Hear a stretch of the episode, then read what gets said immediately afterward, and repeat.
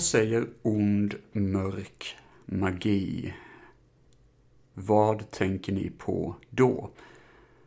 Jag tillhör ju den generationen som växte upp med Harry Potter, så det är väl det första som kommer på tanken i alla fall, att jag introducerades till magi på det sättet. Och det är ju en väldigt magisk och häftig värld. Um, lite mer positivt kanske, lite mer ljus. Oftast i alla fall. Sen så finns det ju vissa mörka aspekter av Harry Potter med, men eftersom att jag växte upp med filmerna med så är det väl lite mer åt det ljusare hållet i de aspekterna.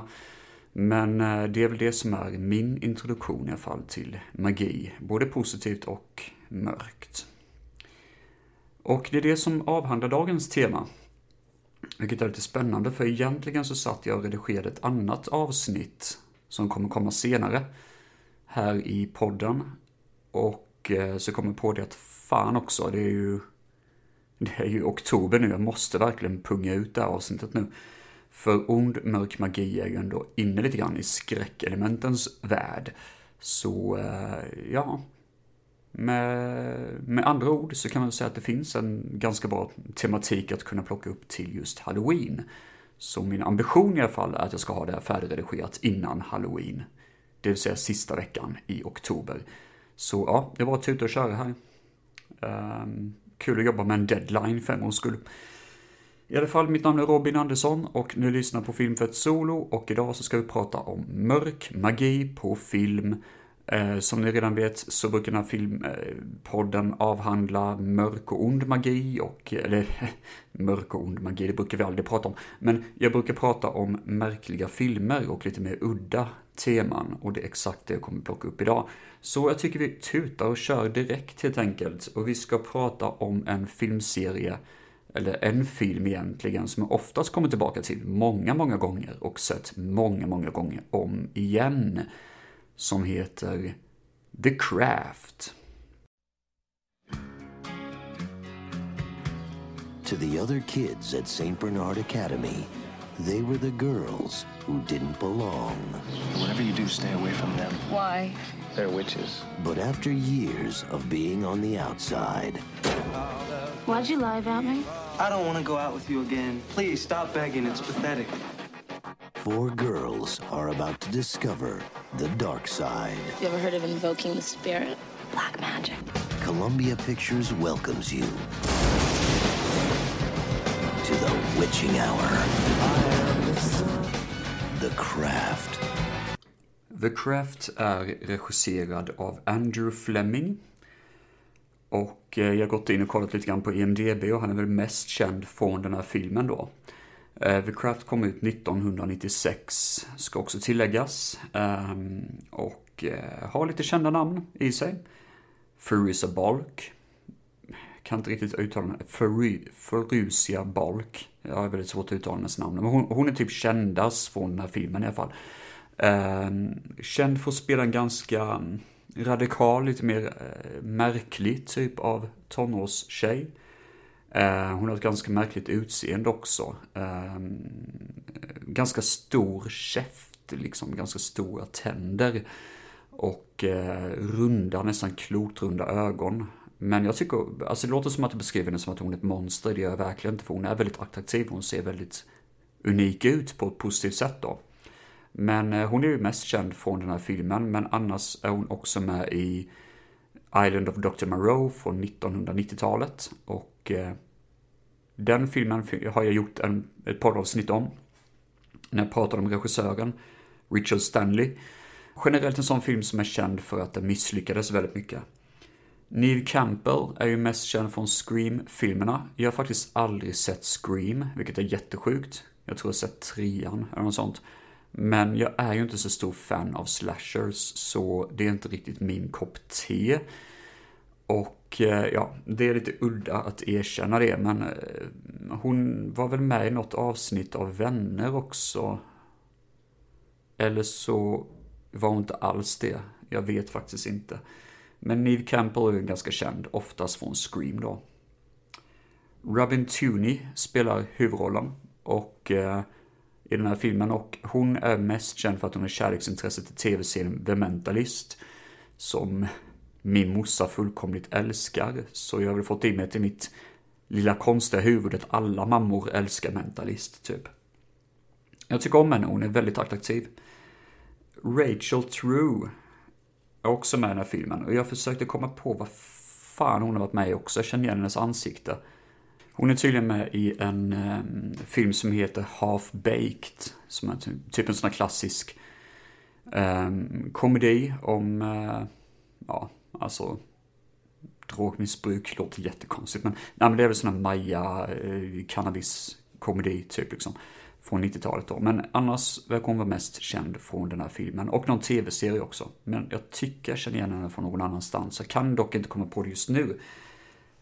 Det kommer inte bli jättemycket research i dagens avsnitt som ni märker för jag är inte så förberedd på det. Jag kom på för fem minuter sedan att fan jag ska nog spela in ett avsnitt, jag måste nog göra det. Så jag har inte förberett jättemycket. I alla fall, The Craft från 1996 handlar om Sarah, spelad av Robin Tuney, som kommer till en ny skola, ett nytt samhälle. Hon flyttar in i ett ganska konstigt, märkligt hus där det läcker in vatten och skit. Eh, inte det roligaste huset, men eh, hon har lite svårt att, eh, ja, passa in i samhället i den här skolan då. Men eh, så finns det tre märkliga personer som håller på lite grann med häxkonster och sånt. Och de, och de är ju väldigt utstötta och mobbade, men de är lite märkliga och coola, lite edgy sådär liksom. Så Sarah börjar blanda sig in med det här gänget då. Och eh, tycker att ja, men det här låter rätt kul liksom. För hon visar sig att hon är den fjärde personen de behöver i den här cirkeln. Och eh, de börjar be då till deras gud Manan, som guden heter då. Börjar få lite krafter som de använder sig av för att busa runt på skolan. Furious Balk spelar karaktären Nancy, som är utan tvekan den mest Mest i behov av terapi kan man väl säga. Hon är väldigt instabil i gruppen. Hon är ganska aggressiv och vill verkligen ha mycket makt liksom. För hon har ett ganska maktlöst liv som ung tonåring. Och eh, det blir lite klurigt, vilket gör att Sarah börjar fundera på om hon inte ska lämna den här gruppen och sluta med de här häxkonsterna. Men hon är ju för långt innästlad i det. Uh, filmen är ganska schysst för jag tycker att den, alltså den börjar på ett sätt med att leka lite grann med krafter och sånt. Och uh, de börjar göra såna här ritualer för att hämnas på de personer som mobbar dem på skolan. Inklusive en kille som försöker ligga med Sarah men blir lite konstig så han uh, de kastar en förbannelse på honom som gör typ att han blir väldigt besatt av Sarah. Och kan inte sluta tänka på henne, vilket, ja såklart, bidrar till ganska mycket sociala problem för honom. Han kan inte riktigt socialt hantera sin situation på skolan längre. De börjar göra, leka runt med krafterna, göra light as a feather, um, som är då att en person ligger på golvet, de andra rör personen och får henne att sväva. Och det är ganska kul, det är en ganska cool scen, jag tycker det är kanske den roligaste eh, scenen i filmen av någon anledning. Jag vet inte, den är stiligt gjord, en ikonisk scen i, i den här filmen och det känns som att många som växte upp med The Craft, som även heter Den onda cirkeln på svenska, de kommer ihåg den här scenen väldigt mycket. Så fokuset på The Craft är egentligen det här med att växa upp i skolan, det är lite coming to age över det, det är inte så mycket skräck över liksom. Däremot så blir Nancy, hon blir lite märklig och hon är typ den mest hotfullaste i gruppen och det bidrar till en scen där hon blir hotet mot eh, Sarah. För eh, man måste ha någon form av etablering av ett hot och jag gillar delvis finalen när Nancy dyker upp som en hotfull figur. Delvis gillar jag det för hon använder sig av äckliga kryp och spindlar och ormar och skit för att skrämma skiten ur Sarah och gör en illusion som får Sarah att tro att hon har tagit självmord, typ, eller sånt, eller håller på att skära sig själv.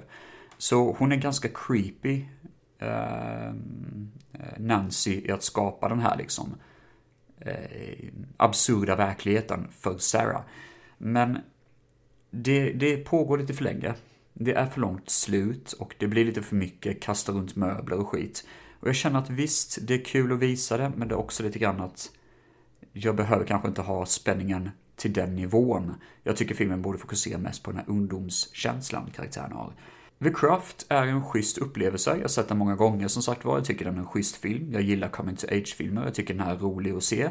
Eh, den är inte för mycket med dess eh, feministiska perspektiv heller och Det kanske låter som att jag är en världens douchebag liksom, men jag kommer komma till det när vi pratar om uppföljaren, för den här filmen fick en Netflix-uppföljare som heter Craft Legacy, som blev otroligt sågad. Och eh, jag kommer ta upp den också, men den här filmen tycker jag faktiskt har en värdegrund och en... Eh, den har en värdighet i sig, The Craft. Så jag rekommenderar verkligen att se den. Det är en schysst film. Eh, inget mästerverk, men absolut en skön upplevelse. Och gillar musiken, gillar 90-talskänslan över det. Det är verkligen, den, den har en stämpel som fungerar för mig och får klart godkänt i min bok. Och med det så tycker jag vi vandrar vidare till Craft Legacy. Hey, it happens to everyone. He's made us all cry at one point or another. You should come over after school.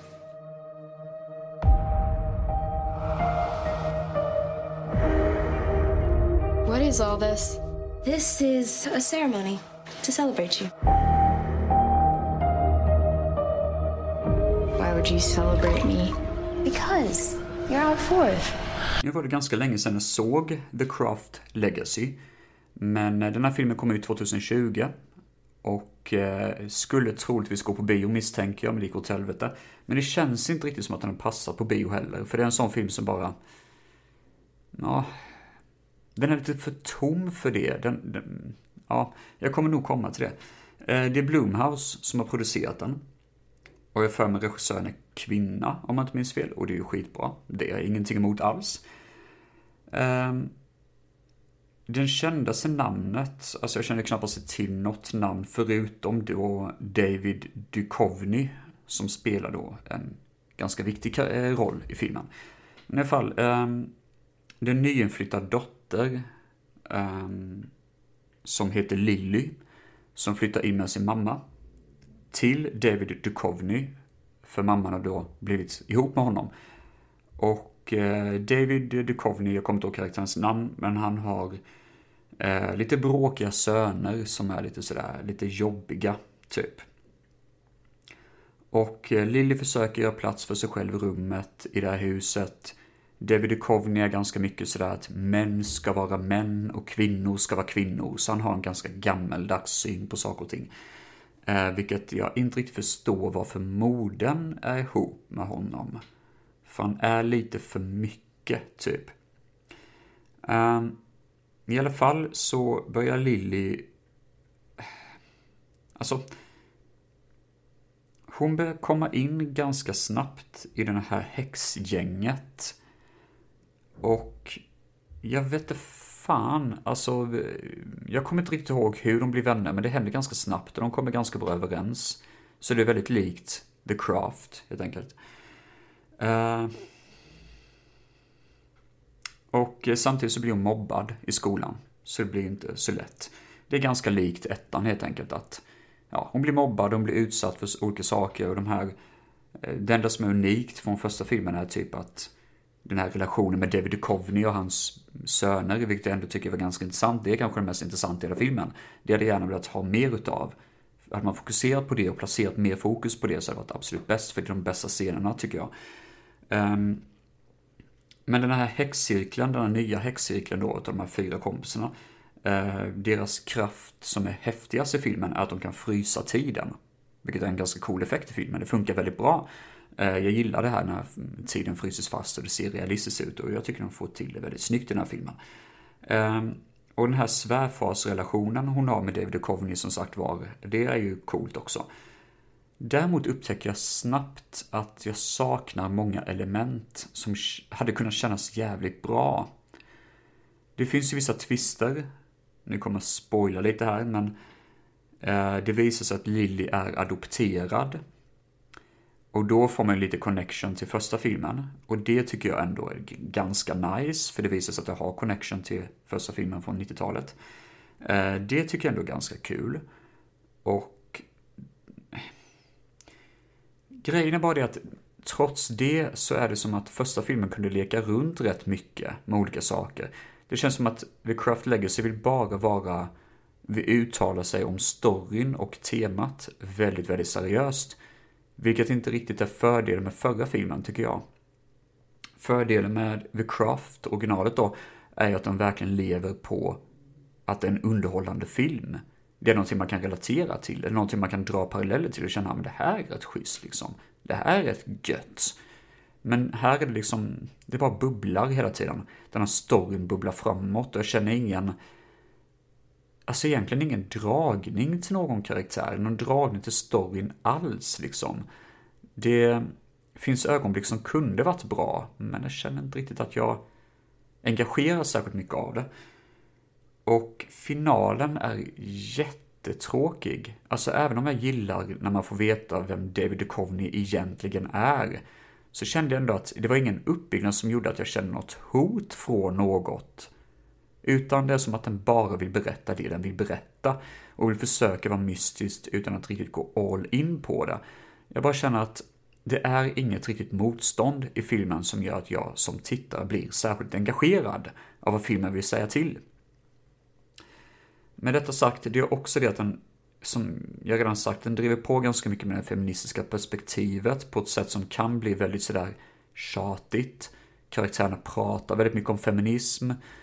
Och det gjorde de ju aldrig riktigt i första filmen vad jag kan komma ihåg, utan där var det mest att de visade det. Liksom. Och det, då var jag med på resan. Här var det lite mer diskussion kring ett ämne, typ. Om ni förstår vad jag tänker och jag blir inte riktigt lika såld på det. Så underhållningsvärdet finns inte riktigt där, även om det finns punkter som absolut skulle kunna fungera. Så nej, absolut inte sämst idag, det tycker jag faktiskt inte. Den är ändå helt okej okay och ändå betydligt bättre än vad jag trodde det skulle vara. Det säger kanske inte så mycket. Nu var det ganska länge sedan jag såg filmen, men det är väl allt jag har att säga om den. Ja, just det, vi får ju en liten uh, cameo också av Theresa Balk i uh, filmen. Och det visste jag redan om innan jag såg den, men jag kände ändå att ja, det, var, det var rätt nice callback liksom. Men ja, nej, det är väl det jag har att säga om The Craft Legacy. Det, det är vad det är, det är solitt hantverk, men eh, behöver gå några steg för att komma i form med The Craft från 96. Och då lämnar vi den här duon av två filmer och går vidare med något som är ja, fortfarande inne på magiskt tema, det får jag faktiskt säga att det är. Men eh, det är kanske lite mer spöklikt, kan man väl säga. All those stories about murders and ghosts. Do you believe in ghosts? I'm scared. Do you believe in evil spirits?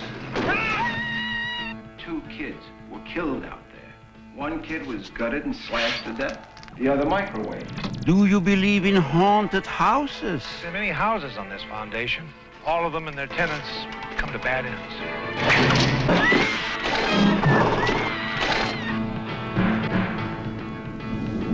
Or do you think it's all just silly superstition?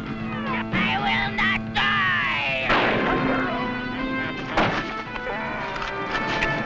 Maybe you had better think again. Too late, has it already started? For if you enter this house, you won't come out alive. Superstition! You won't know who, or what, or why, until it's too late.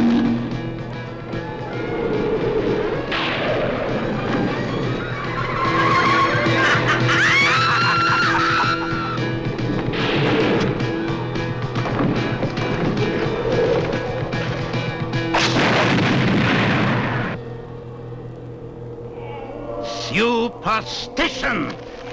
You should have believed.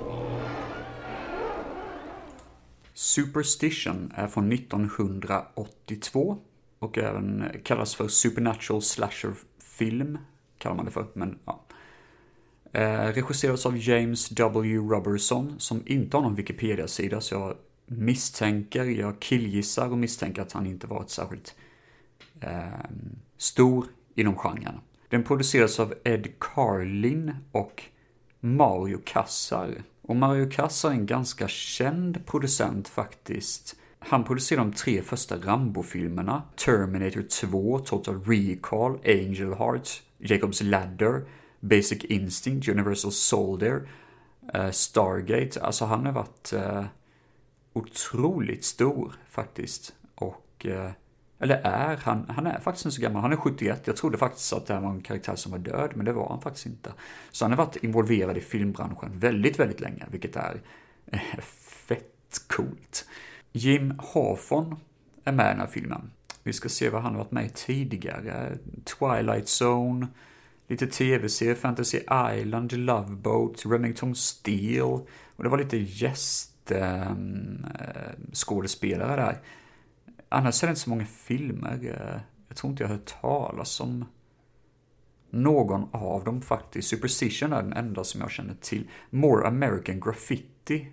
Jag visste inte att den, att den hade en uppföljare faktiskt, men tydligen har den det. Jag har ju aldrig sett American Graffiti, men det är väl en utav eh, Steven Spielbergs första filmer, tror jag. Eller George Lucas. Jag tror George Lucas var involverad i den. Albert Salmi är med i den här filmen. Och eh, har varit med i jäkligt många tv-serier, alltså det är helt sjukt. Eh, tv-serier och filmer faktiskt. Det ser ut som att det är väldigt mycket westerns och sånt. Sen så har vi ju Lynn Carlin som är känd från en film som man måste se om någon gång för poddens skull. Death Dream. Riktigt bra film. I alla fall, storyn är att det finns ett hemsökt hus som är fullt med massa skräp överallt. Det ser för jävligt ut. Och det är några personer som bryter sig in i huset för att testa sin lycka, antagligen. Och eh, någonting jagar dem och helt plötsligt så hittar de den ena killen, de separerar från varandra och den ena killen hittar sin kompis huvud i en mikrovågsugn. Jag för mig det var så i alla fall. Det är en kyrka som ska renovera om den här, det här huset då efter den här incidenten för de minns att vi måste göra någonting åt det. Ja, det, det, det, bor ju en konstig granne som är sådär väldigt suspekt med huset och berättar om att den har en mörk historia och att ni inte ska befinna er i närheten av eh, kyrkan, för det, eller eh, av, den här, av det här huset, för eh, kyrkan som äger huset borde bara lämna det. Det har hänt så mycket skumt, skumma saker där liksom och Eh, det, det, går rykten om att det hade no någonting att göra med någon häxa eller något sånt. Och eh, huvudpersonen som man inte kan namnet på, men det är ju den här killen jag nämnde första gången, han som var med i Love Boat och dem. Han, eh, eh det är hans jobb att undersöka eller renovera det hans arbete och saker och ting går fel väldigt, väldigt snabbt. Den bästa scenen i filmen händer ju ganska tidigt i filmen. Det är när en arbetare håller på att såga en av de här eh, en av de stora rummen i huset håller på att såga och renovera lite. Och den här huvudkaraktären går med en präst och så går hon och pratar lite grann om husets historia och sådär. Och helt plötsligt så börjar sågklingan lossna från den här sågmaskinen, studsar rakt ner i golvet, studsar upp och flyger rakt in i bröstet. Den, den är fortfarande igång, själva klingan. Liksom den sågar fortfarande trots att det inte är någon maskin i den liksom. Hoppar in i bröstet på prästen och typ guttar sönder honom som en jävla köttkvarn. Och alla bara står på och bara skriker Oh my god, liksom sådär. Och där dör ju den prästen. Och det är så jäkla slicigt och häftigt och coolt. Jag, var, jag hoppade riktigt till när jag såg den scenen. Det var riktigt häftigt. Och filmen går ju på lite grann i, den, i det tempot liksom. Så det här var en jättebra scen att fånga mig och dra in mig i den här övernaturliga historien med den här häxan då. Och eh, huvudkaraktären ser väldigt tidigt i filmen ett ungt barn som går runt och liksom sådär och typ skrattar lite och sådär. Eh, och det är ju självklart att det är en spöktjej, så jag kallar den bara för spöktjejen efteråt. Eh, sen så används den här, eh, alltså ledmotivet som används i filmen är det som är grunden till The Shining, ni vet en klassisk melodi som används egentligen som man reformerade om till låten i The Shining. Samma låt som användes i filmen The Car från 76 någonting. Så det är ganska gött att höra det soundtracket, det är ändå kvalitet på det liksom monstret, eller demonen i den här filmen är ju en häxa och det är ganska kul. Jag gillar ju häxor och det är därför det går in lite grann i temat idag också. Med superstition. Eh, med magi då och sånt och det är coola dödsscener. Sen så gillar jag verkligen det här det är en konstgjord sjö som ligger på baksidan av huset också. Som är liksom eh, konstladd, eller vad det heter. Och det, det tycker jag är coolt. Det är, det är en ganska häftig miljö liksom att använda sig av. Att det är, det är någonting specifikt med att den just är fake den här sjön då. Ja, men jag gillar filmen Superstition, inte för att jag just nu har mer att komma med, jag har inte så mycket mina anteckningar och kommer inte ihåg mycket mer än vissa bilder i huvudet. Men det är verkligen en popcornfilm, den är kul, det är bra skådespelare, den tar sig själv seriöst. Men det borde jag inte göra för att dödsscenerna är så jävla extrema.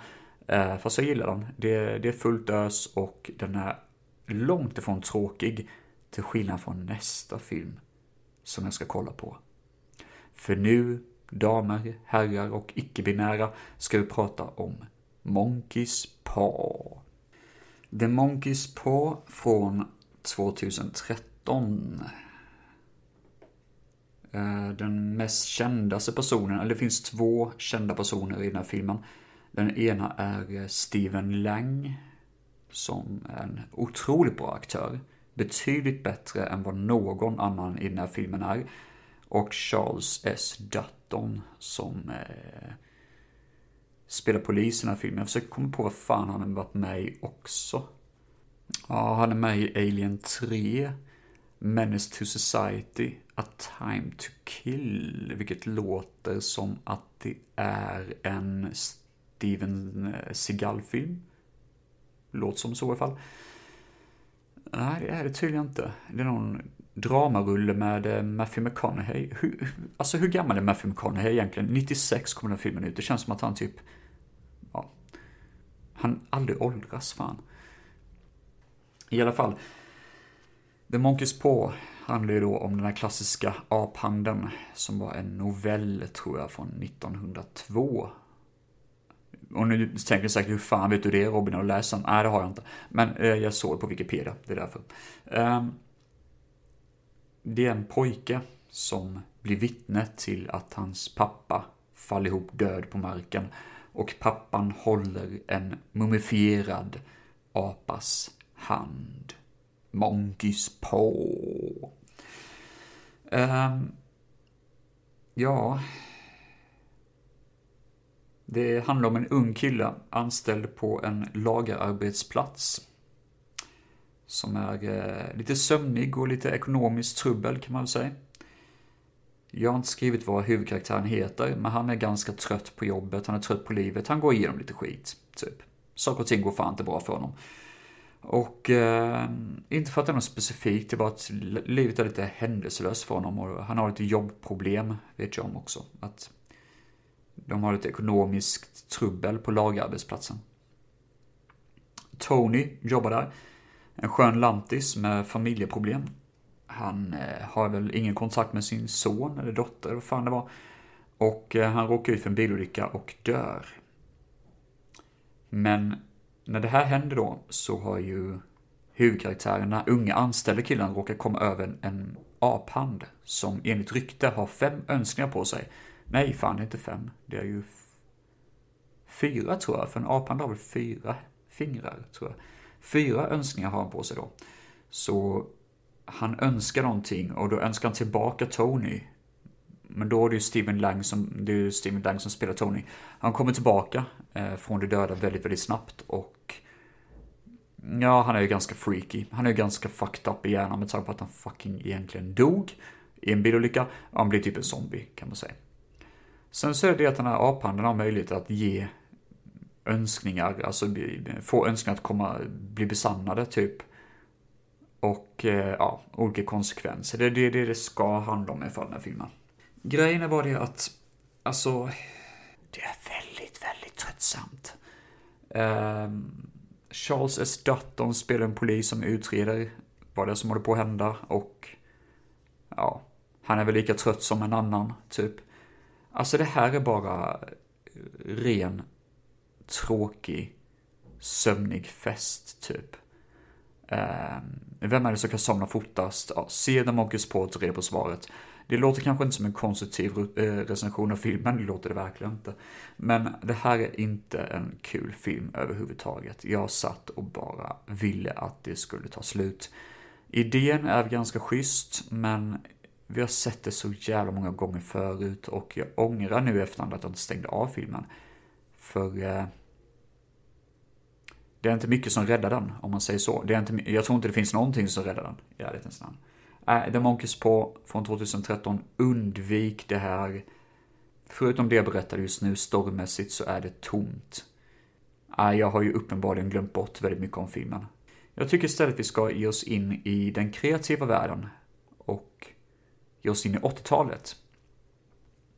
Med en full moon picture. It's dark, it's gloomy, it's filled with terror. Don't even think about going down there. So why can't people stay out of the cellar? An innocent woman is terrorized. Her life becomes a nightmare when she won't stay out of the basement and is snared by the evil cellar dweller. Förlåt förresten, Cellar Dweller är inte en Full Moon Picture. Det här är en Empire Pictures produktion, men det är typ samma sak. För Empire Pictures var ett företag som fanns innan Full Moon Pictures bildades. Så det är Charles Band, en av de mest ikoniska skräckfilmsproducenterna, eh, inom lågbudget skräckfilm i alla fall, som är involverade bakom filmen. Jag har väl lite blandade åsikter gällande Full Moon Pictures, men jag är ändå ganska sugen på att försöka sätta tänderna i ett Full Moon Pictures avsnitt någon gång här på Filmfett. Det hade varit jävligt kul. Eh, faktiskt, för de har lite schyssta, mindre kända rullar. Vilket Cellar Dweller verkligen är ett bevis på, för det här var en... Eh, ja, men det här var en kul film. Regisserad av John Carl Buckler. Han har gjort ganska mycket tidigare då. För eh, eh, Empire Pictures. Eh, Ghoulies. Tro, eh, Ghoulies, Ghoulies 3 har han gjort. Fredag den 13 part 7, The New Blood. Troll har han gjort. Uh, han har gjort makeup-effekter också till bland annat From Beyond och uh, Terrorvision, Dolls, Nightmare on Elm Street 4, The Dream Master, Halloween 4, The Return of Michael Myers. Ganska coolt. Han gick tyvärr bort i en ålder av 66 år 2019 av prostatacancer. Just det, han gjorde effekterna till Deathstalker också, det är rätt kul, den har jag faktiskt sett. Ehm, um, Transers också. Nej, han har varit involverad i jättemycket digital, eller alltså eh, eh, makeup-effekter och sånt. Uh, väldigt cool, vilken ikon. Deborah Ferentino spelar huvudrollen och hon har varit med i ganska mycket eh, dramagrejer. Storm of Century, som är en uh, um, Stephen King tv-serie är det faktiskt. Jag har inte sett den. Sci-fi komedidraman Eureka. Som är, som jag vill minnas är helt okej. Okay. Jag hade ju den ett tag på DVD, hela serien. En sån sak jag ångrar som fan att jag blivit av med. Jag fattar inte varför jag blev av med så mycket skit. Jag ångrar jättemycket det. Men som skådis är hon mest känd då för... Uh, hon var med i Son of, P uh, eh, of a Pink Panther, men den ska vara ganska dålig. Men annars så är det Cellar Dweller där hon är huvudrollen då. Jeffrey Combs är ju absolut den kändaste och han har ju en jätteliten roll i den här filmen. Han är bara med i filmens början och kommer komma till det sen. Men uh, han är ju absolut kändast för karaktären i Reanimator då. Herbert West.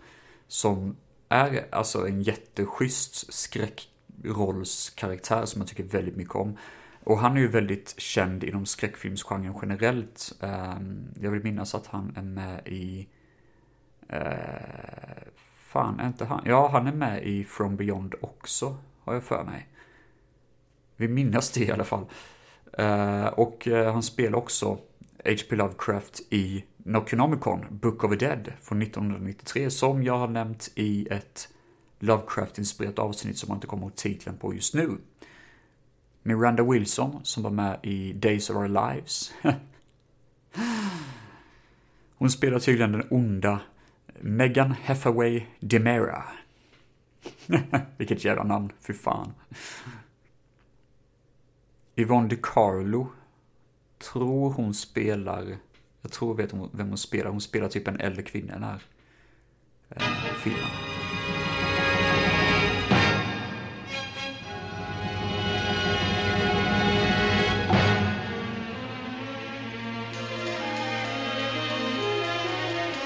I alla fall, Cellar Dweller handlar om en tecknare spelad av då ehm, eh, Jeffrey Combs som håller på att rita av en demon från en demonisk bok som ser ut som Necronomicon.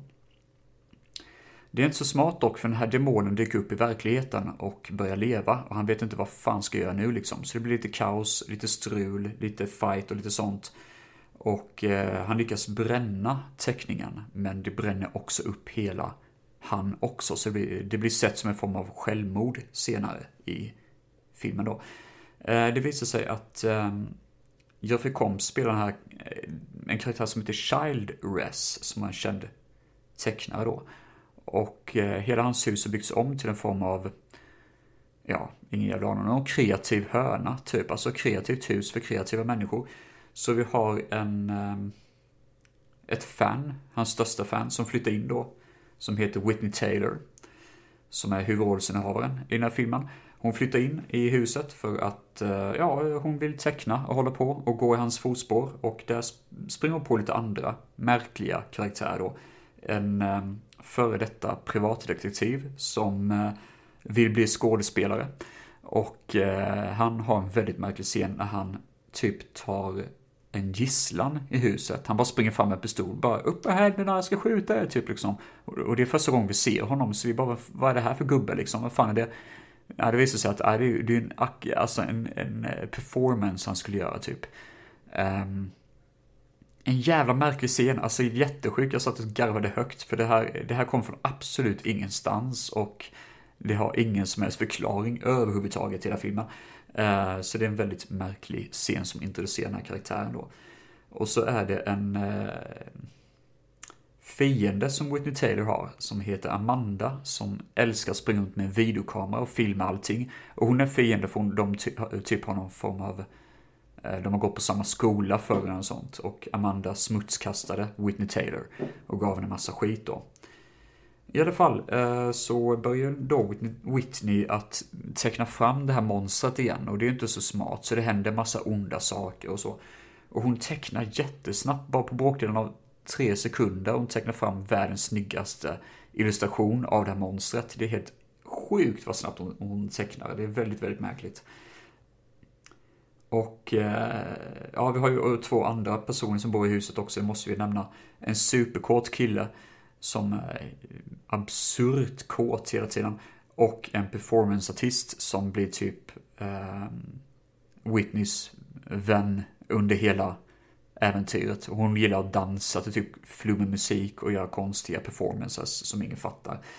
Eh, hela stället ägs av, jag tror det är Yvonne DiCarlo då som äger hela placet och hon är ganska märklig gammal kvinna, typ, eller äldre kvinna. Eh, ja, ganska märklig person också får man väl säga. Alltså hela filmen är väldigt, väldigt bananas. Den är utan egentlig logisk funktion. Det är bara en schysst upplevelse. Med ett väldigt roligt monster som har ögonlock som är animatronic. De funkar liksom eh, elektriskt. Och jag tycker det är väldigt, väldigt häftig design på monstret. Det är coola dödsscener, den är väldigt snyggt gjord, väldigt snyggt foto. Och den här filmen borde inte vara så bra som den faktiskt är, för på papper låter det så jävla ubåta fånigt. Men det är just det som gör att filmen funkar, för den vet vad den är och den förhöjer sig själv med att veta vad den ska göra bättre för att filmen ska bli roligare. Det är en sjukt absurd film utan logik och jag sitter och har jättemysigt under hela filmen. Jag sitter som ett litet barn och bara hoppar till av när ett huvud blir avkapat eller ett ansikte blir upprivet eller när den här märkliga skådisen dyker upp och hoppar fram med sin pistol. Jag bara, vad är det som händer? Jag gillar det här liksom. Och jag är med på hela showen. Det är en freakshow utan dess like och ähm, ja, den, den är jävligt mysig. Cellar Dweller från 1988. Ska ni se någonting nu i eh, höstmörkret, i halloween-tid, då rekommenderas Cellar Dweller, absolut. You? You want to turn, eh? My mom leaves at nine. So you're ten.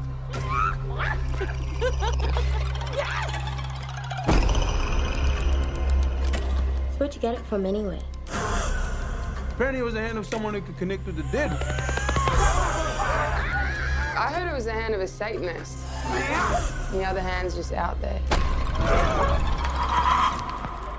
White people shit, man, I tell you. All right, let's do this! You know the drill. Say, talk to me. Talk to me. Haley, fucking stop it. He's choking. 83 seconds. Get it off him.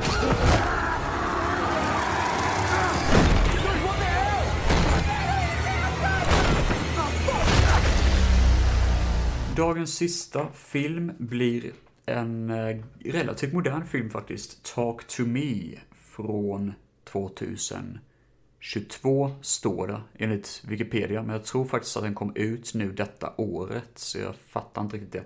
Det kan vara att det var world release ett året kanske. Um, I ett framtida avsnitt så vet jag att Josef uh, kommer snacka om den lite lätt. I ehm, ett långt förinspelat avsnitt om, uh, i podden uh, Deep Dive-podden som jag rekommenderar att lyssna på. Där både jag, Josef och Joakim medverkar. Eh, Joakim for show och Josef Persson. Skitgrym podd faktiskt. Jättekul projekt. I alla fall, Talk to Me handlar om Mia som är en traumatiserad tjej. Eh, hennes mamma gick bort under tragiska omständigheter och hon eh, försöker bara klara av vardagen i stort sett kan man säga. Hon har en ganska kylig relation till sin pappa. Ehm, och försöker hänga så ofta med sina vänner som hon bara kan för att komma bort från vardagen. Eh, hon får veta en ganska intressant sak via Snapchat eller något sånt tror jag det är. Att ehm, det finns en ritual där man kan hålla i en mumifierad hand och därefter så kan man prata med döda. Medan man håller handen. Man får bara hålla den en, typ 60 sekunder eller sånt. Um, och uh, Mia blir ganska intresserad av det här för det är hennes polare som driver den här ritualen som blir involverad i den ganska snabbt. Hon och hennes tjejkompis då. Och eh, det är en väldigt obehaglig scen, det är ett väldigt stämningsfullt foto när Mia får testa det för första gången.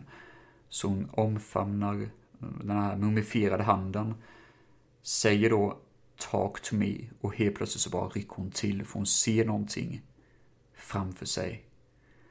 Och eh, efter det så öppnas en dörr långsamt och det händer lite freaky shit i det här rummet då.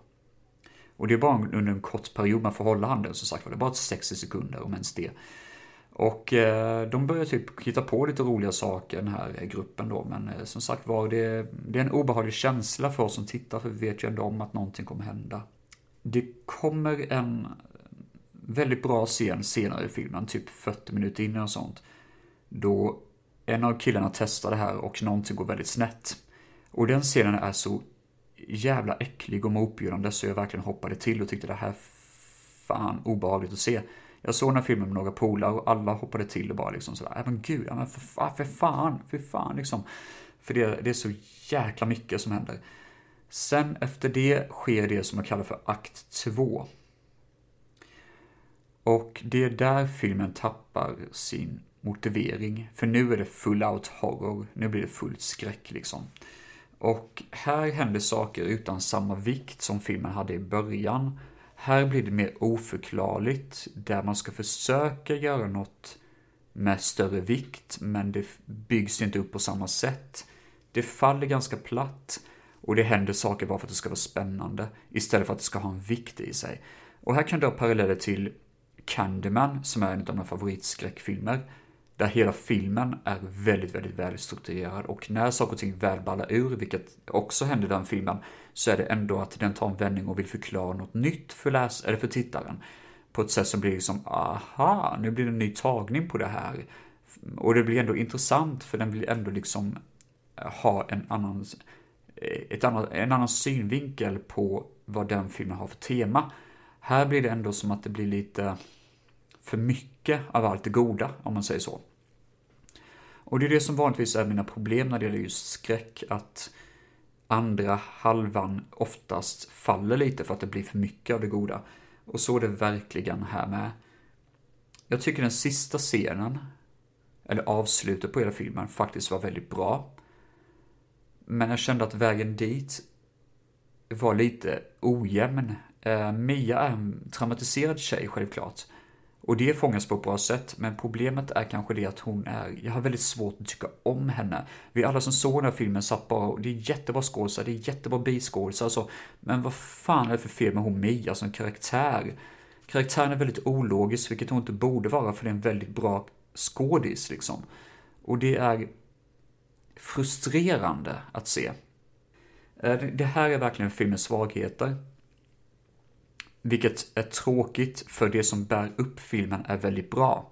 Däremot så skulle jag säga, se Talk to me, det är ingen dålig film.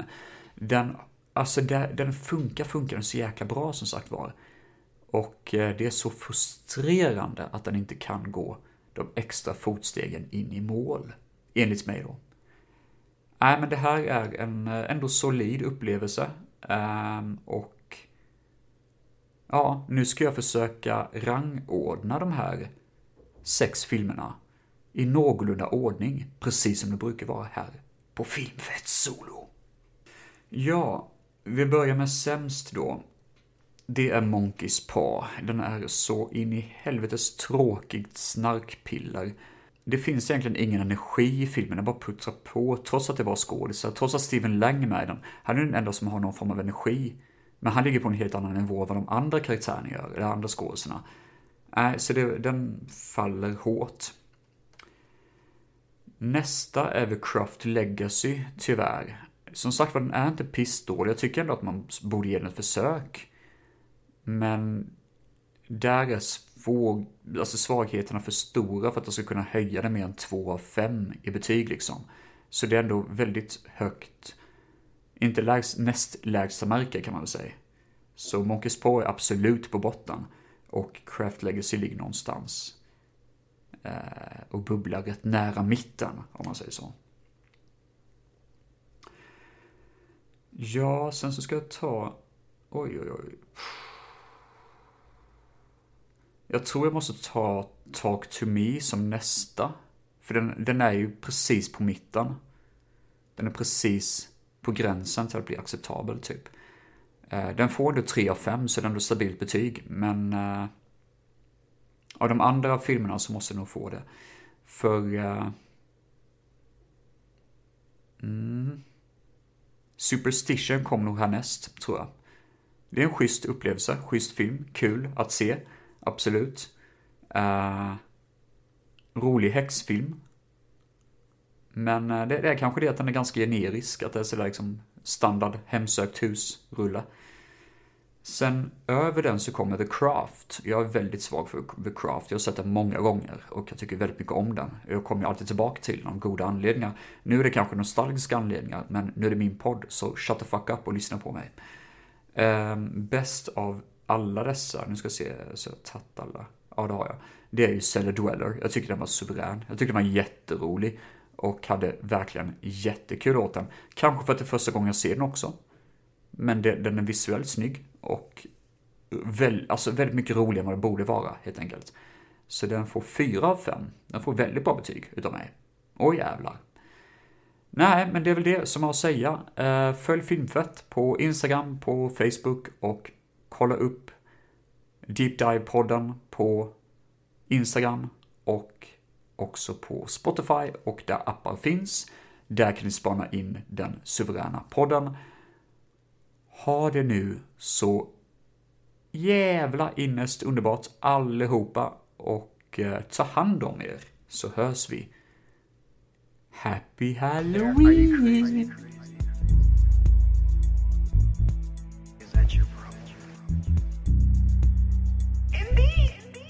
Are you crazy? Is that your problem? Indeed. Look, we came here to see David Lo Lopan, all right? Ah, David Lo Lopan. And you have succeeded, Mr. Burton. What, you? Uh, I don't get this at all. I thought Lopan... Shut up, Mr. Burton. You are not brought upon this world to get it. Come on. Lo Lopan is like... Nothing you can understand. Magic. The darkest magic soul swims in it, scattered across time, trapped in the world of formlessness. Magic, the darkest magic. My soul swims in it, scattered across time, trapped in the world of formlessness. Uh, many mysteries, many unanswerable questions. Even in a life as short as yours. Yeah, well, the way I see it doesn't mean we shouldn't ask. Like, where's my truck? You're not looking for a truck. Looking for a girl. A girl with green eyes. Magic, the darkest magic. My soul swims in it, scattered across time, trapped in the world of formlessness. Magic, the darkest magic. My soul swims